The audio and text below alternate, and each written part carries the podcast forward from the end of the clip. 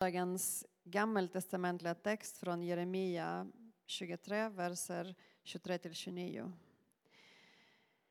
Är jag bara Gud på nära håll, säger Herren, och inte Gud långt borta? Kan någon gömma sig så väl att inte jag ser honom, säger Herren. Uppfyller inte jag både himmel och jord, säger Herren. Jag har hört vad profeterna säger, de som profeterar lögn i mitt namn. Jag har haft en dröm, en dröm, en dröm.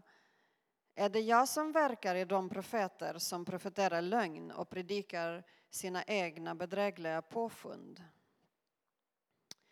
Med de drömmar de berättar för varandra tänker de få mitt folk att glömma mitt namn så som deras fäder glömde mitt namn för Baal.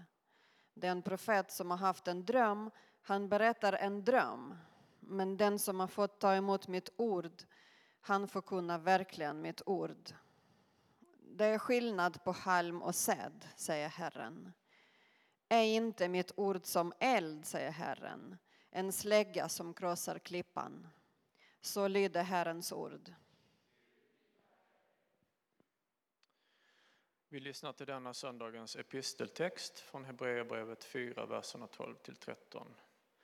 Till Guds ord är levande och verksamt. Det är skarpare än något tvegat svärd och tränger så djupt att det skiljer själ och ande. Led och märg och blottlägger hjärtats uppsåt och tankar. Ingenting kan döljas för honom, allt skapat ligger naket och blottat för hans öga. Och inför honom är det vi ska lägga av, är det vi som ska avlägga räkenskap. Så lyder Herrens ord. Gud, vi tackar.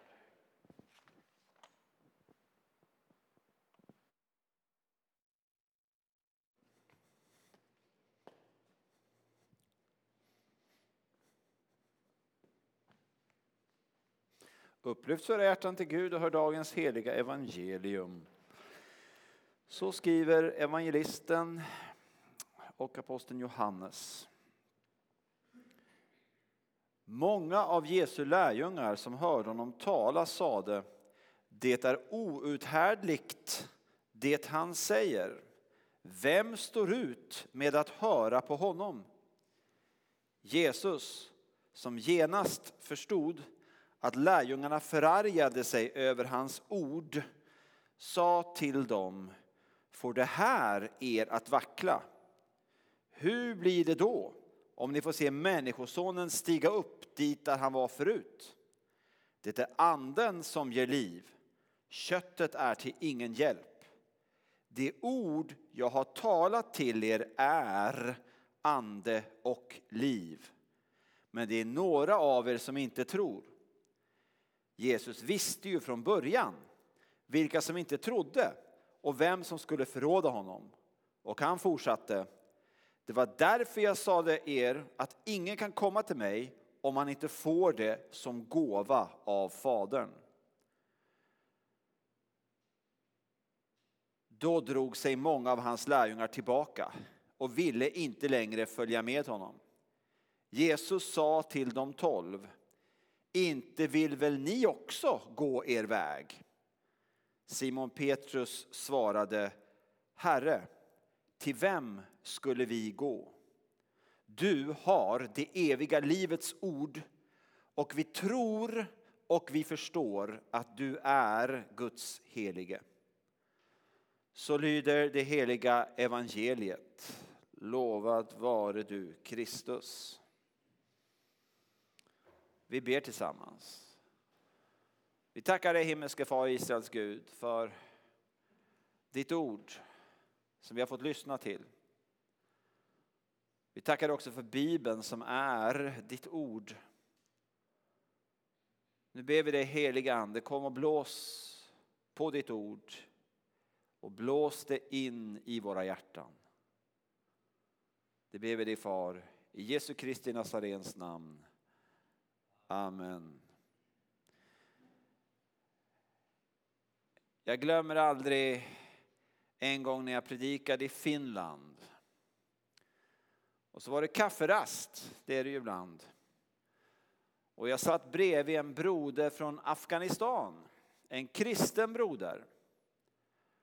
Han skulle strax tillbaka till Afghanistan igen. Eh, han trodde han var kallad tillbaks, så det var hans egen vilja. Och han avbröt mig mitt i en mening. Jag sa något ointressant. Eh, och det är den bästa avbrytning jag varit med om i mitt liv. Och så höll han upp sin bok som var ungefär så här stor, grön var den, kommer aldrig glömma det. Så sa han så här, Hans, sa han, vi har haft Bibeln på mitt språk i tre år. Och eh, med glimten i ögat kan man ju ställa sig frågan vad han har för bibelsyn. Hans bibelsyn var att han var beredd att ge sitt liv för att inneha en bibel och dela ut biblar när han åkte tillbaka till Afghanistan. Och eh, det omvittnar just detta med att eh, han trodde som kristna trott i 2000 år att bibeln är Guds ord.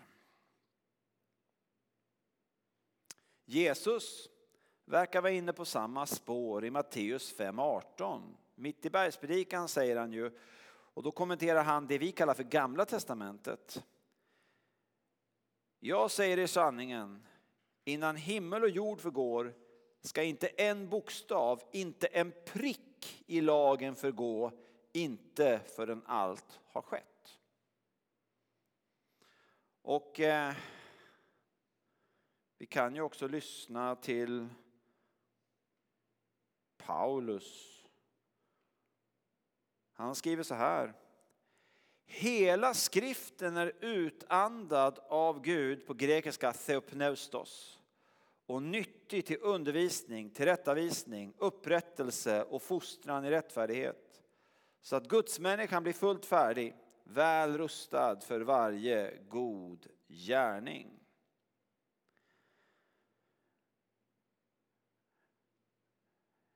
Jag glömmer aldrig en gång då jag satt tillsammans med biskop Bo Giertz. Kanske ni känner igen. Rätt så känd person. Av goda skäl. Och han berättade för mig när han satt på en föreläsning på hög nivå med många åhörare i Uppsala på 20-talet. Och det var en professor som på något sätt hade stor auktoritet. Och det var många, inte minst i Svenska kyrkan, som var nyfikna på vad han hade att säga. Och Boyert sammanfattade hans budskap med att han sa Bibeln är inte Guds ord, men Bibeln innehåller delvis Guds ord. Och Boyert han sa att han såg omedelbart en fara för varje kristen kyrka som växlar in på det spåret. Att inte tro att Bibeln är Guds ord utan delvis möjligtvis innehåller Guds ord. Och så får vi välja lite grann vilket vi tycker passar bäst. För övrigt glömmer jag aldrig Bojarts begravning. Han skulle begravas i Göteborgs domkyrka och jag kände ju inte honom så nära jämfört med många andra och hade inte känt honom så länge. Så jag blev förbluffad när de ringde till mig och eh, frågade om jag ville vara med och bära Bojarts kista. Det var naturligtvis en heders, eh, hedersam förfrågan som man extremt tacksamt tackade ja till. Jag glömmer aldrig den begravningsgudstjänsten. Jag har aldrig i mitt liv hört sådan psalmsång. Djävulen var två mil borta redan efter första versen. Ehm, och så gick vi fram till kistan. Vi skulle lyfta upp den och bära den ut ur Göteborgs domkyrka som var fullkomligt packad. Hur hade man valt att dekorera Bojerts kista? Blommor och blad. Det är inte något fel på det, det är fin dekoration. Men i mina ögon var det en mycket härligare dekoration av hans kista. Man hade valt att lägga på kistlocket det som man mer än något annat förknippade med honom, nämligen hans stora nötta bibel. Tänkvärt.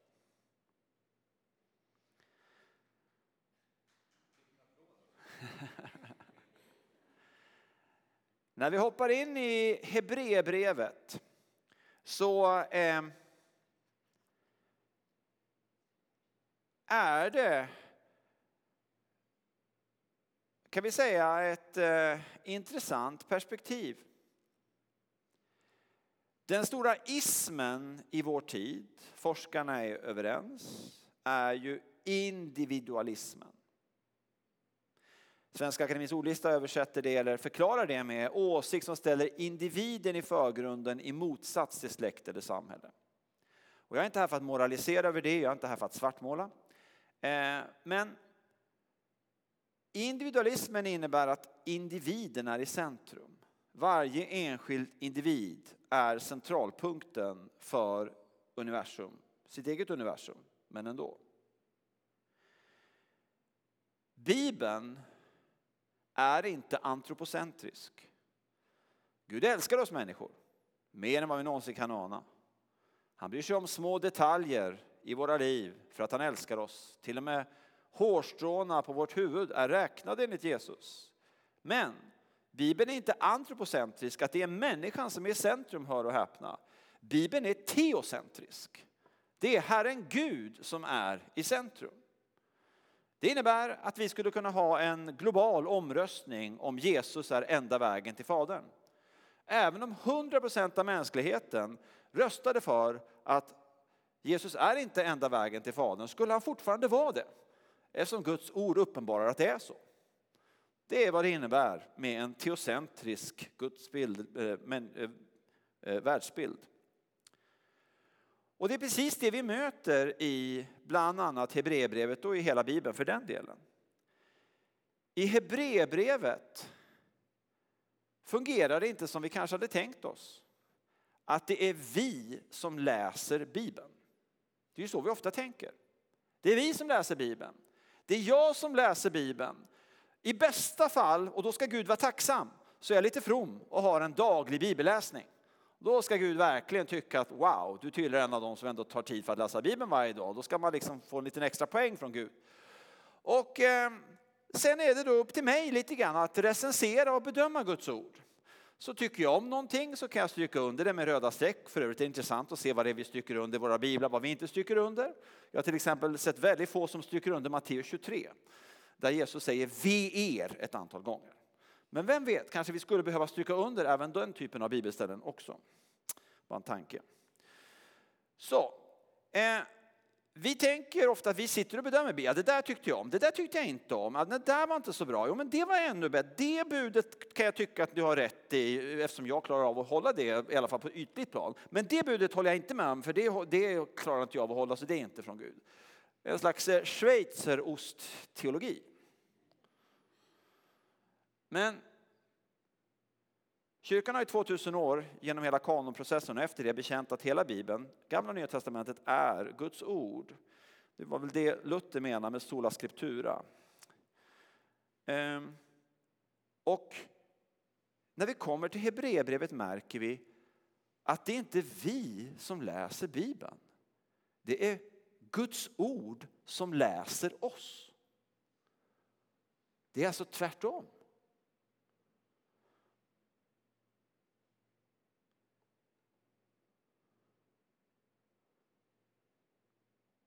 Om jag går till Hebreerbrevet 4 från vers 12. Om vi tittar på grekiskan så börjar det så här. Zon, gar hologos tothio. Och det första ordet är zon. Det är eh, det grekiska ordet för liv satt som ett verb i presens. Nu känner jag att mötet lyfte. Taket försvann. Presens betyder pågående aktivitet. Har ingen början, har inget slut. Så det som författaren skriver, ledd av den heliga ande, det är lever, gör Guds ord. Och så kommer ordet för energi. Och eh, det är från erga en, verkar, är verksamt, eh, formar så lever, gör Guds ord och Guds ord skulle vi kunna säga agerar.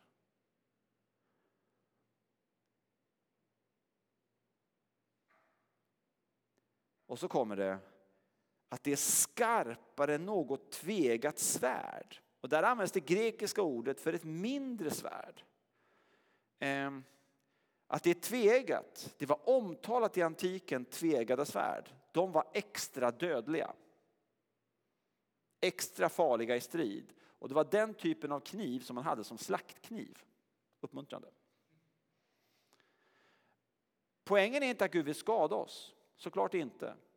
Men poängen är att Guds ord tränger igenom. Guds ord penetrerar. Så bilden som vi får från Hebreerbrevet kan vi koppla till Jeremia 18. Varje gång vi öppnar Guds ord med en bönesuck till vår far i Jesu namn, att den heliga ande ska tala till oss genom sitt ord, det ord han själv har inspirerat, författat, eh, använt människor av kött och blod naturligtvis, men det har blivit som han vill. När vi öppnar ordet så lägger vi oss på Guds drejskiva. Vi lägger oss på Guds drejskiva och Magnus var ju inne på precis det som kommer efteråt i Hebreerbrevet 4 om hur vår överste präst, han som är Gud och människa på samma gång, som dog på korset för att betala priset för all vår synd. Han har medkänsla med oss i våra svagheter, han har prövats själv på samma sätt som vi, fast han är till stor skillnad från oss syndfri. Men han har oändlig medkänsla med oss. Det innebär att den där tvegade svärdet är egentligen läkarens skalpell. Men om jag går till läkaren och har en tumör som läkaren behöver avlägsna, då är jag inte så glad om han bara ger mig en Alvedon. Och precis så är det med Guds ord. Eh, det här visste Det är präster som predikade för ett tag sedan då de väldigt ofta bad den här bönen. Må Guds ord, känner ni igen den? Må Guds ord varna, trösta, lära och förmana oss. Det är en holistisk förväntan på hur Guds ord ska forma oss, ska skapa oss. Hur läkaren genom sitt ord ska förvandla oss på djupet.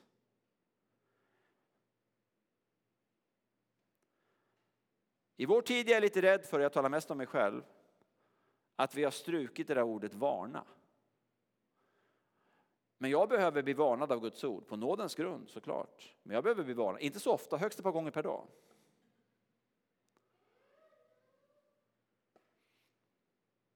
En gång var jag på hockeymatch. Bara en gång Magnus. Nej, det har hänt ofta. Och ni vet, Herren är inte snål. Jag kommer aldrig för sent till hockeymatcher, för, kan jag dela. Det har aldrig hänt. Kommer alltid i tid, har betalt en dyr biljett.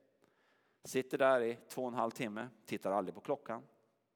Funderar aldrig på, ska det ta två och en halv timme på hockeymatch? Jag har aldrig ställt mig själv den frågan. Jag ser inte någon annan där inne som gör det heller. Jag kommer ihåg när Frölunda tog SM-guld. Alla i Skandinavien stod och hoppade på stolar i en halvtimme. Jag var lugn, men de andra. För en gummibit som har åkt in i ett nät. Eh, jag hade varit på hockey. Två och en halv timme, halvtimme dit, halvtimme hem. Tre och en halv timme. Frölunda vann. Jag hade tänkt på hockey tre och en halv timme. Väldigt skön vila. Herren undrar oss det verkligen. Jag hade puckar istället för ögon. Och när jag kom hem så skulle jag be aftonbön med mina barn. Vi har liksom perioder då vi ibland blir aftonbön tillsammans, ibland ber var och en för sig. Men vi hade en period då jag och mina, våra två äldsta barn, vi bad aftonbön ihop och de var inte nödvändiga, de älskade det. Men när jag kom hem så greps jag av begär. Jag hade hållit på i hockey, med hockey nu i tre och en halv timme. Gud skulle tillåta mig att göra det längre fram på kvällen om jag så skulle vilja. Men just då skulle jag be aftonbön med mina barn. Men jag bara tänkte, mer hockey nu. Och så präst jag är så hoppades jag att mina barn skulle glömma att vi skulle be gemensam aftonbön. Underbar präst. Jag fick rätt. Ja, de glömde. För de hade läxor och annat så de bad sina egna aftonböner. Jag skulle, ni vet, hålla på med hockey. lite mer. Den tredje Netflix-serien. De säger att i snitt rör vi våra mobiler 2000 gånger per dag, minst. Den fjärde timmen jag surfar på min smartphone. Den sjunde gången på dagen jag går in och kollar Aftonbladets uppdateringar. Tid saknas uppenbarligen inte. Men det börjar kännas tomt. Det börjar skramla här inne. Det som var en gåva har plötsligt blivit en avgud. Ja, jag bad min aftonbön, den var väldigt torr. Ja, jag bad ju kompletorium, så Guds ord är ju inte torrt i sig, men, men, men ja, det kändes som det var liksom ett plexi mellan mig och Herren. Jag bad min laudes på morgonen, det var samma plexi kändes det som. Men så var det dags för en bibelstund. En bibelstund per dag gör dig pigg, frisk och glad. Så här. Jag var någonstans i Jeremia. Jeremia var i högform, och eh, varnade för avgudadyrkan. Och den heliga ande är väldigt bra eh, eh, så att säga, på att eh, trycka in Guds ord i hjärtat.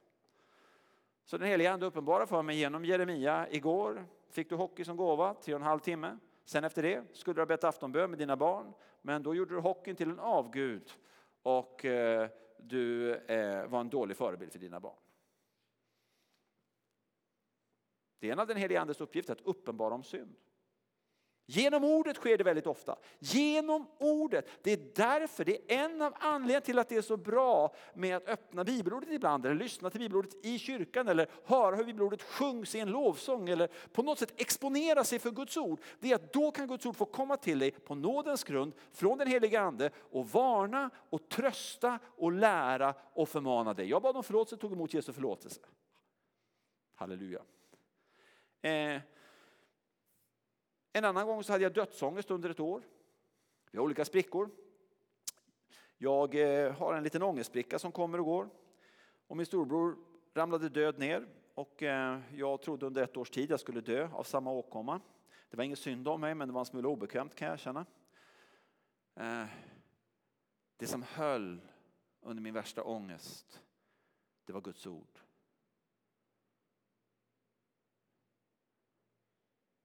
Saltaren där David skriver från Herren. Det läste jag varenda dag. Det stod så här mitt i min ångest. Jag trodde jag skulle dö och hjärtat skulle spricka. Så läste jag hur Herren hälsar mig. Din tid står i mina händer. Och eftersom det är Guds ord och eftersom den heliga ande skjuter in ordet i hjärtat då skapas någonting. Jesaja 55, Guds ord skapar alltid det som Herren har sänt ut det till att skapa. Och det ordet vart som en ljusstråle som Herren använde för att bära mig under ett år. För jag förstod att det är sanningen. Det är inte min ångest som innehåller sanningen. Det är Guds ord som talar sanning. Så det är inte bara varningar. Det är mycket tröst och det är mycket annat. Vi ska inte hålla på för länge här. Vi ska börja röra oss framåt i gudstjänsten. Jag skulle ju kunna stå här länge men det ska jag bespara er. Eh.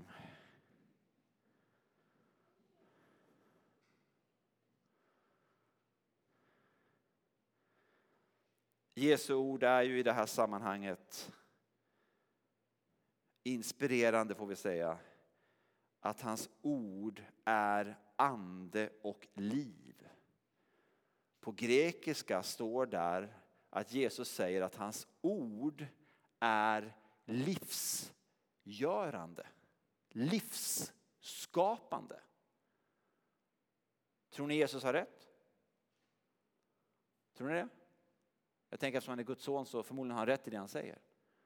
Alltså säger Jesus att när vi läser ett ord, ett uttalande från honom och vi kan nog tryggt tänka att han refererar till egentligen hela Bibeln, så skapar det liv. Det är livsskapande. Och det grekiska ordet han använder för ord är rema. Och det översätts i min ordbok God's living voice. Guds levande röst.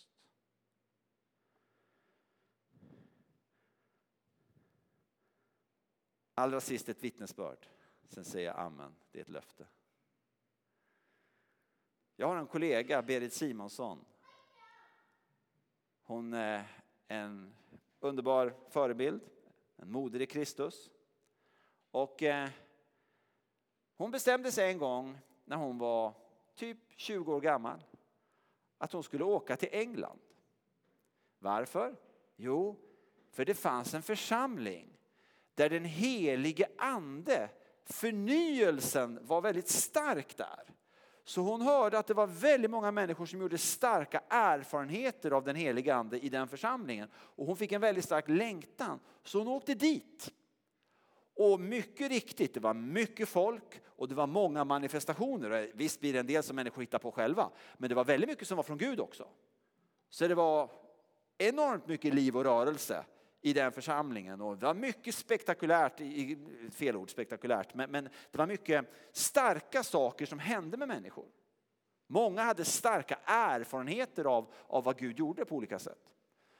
Och Berit hon var väldigt tacksam att vara där.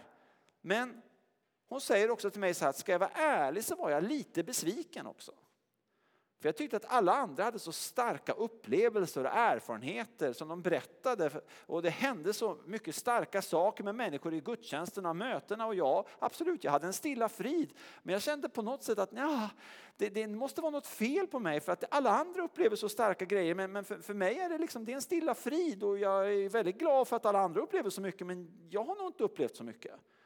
Så hon åkte hem till Sverige när hon hade varit flera veckor i den här förnyelseförsamlingen och var nästan lite besviken.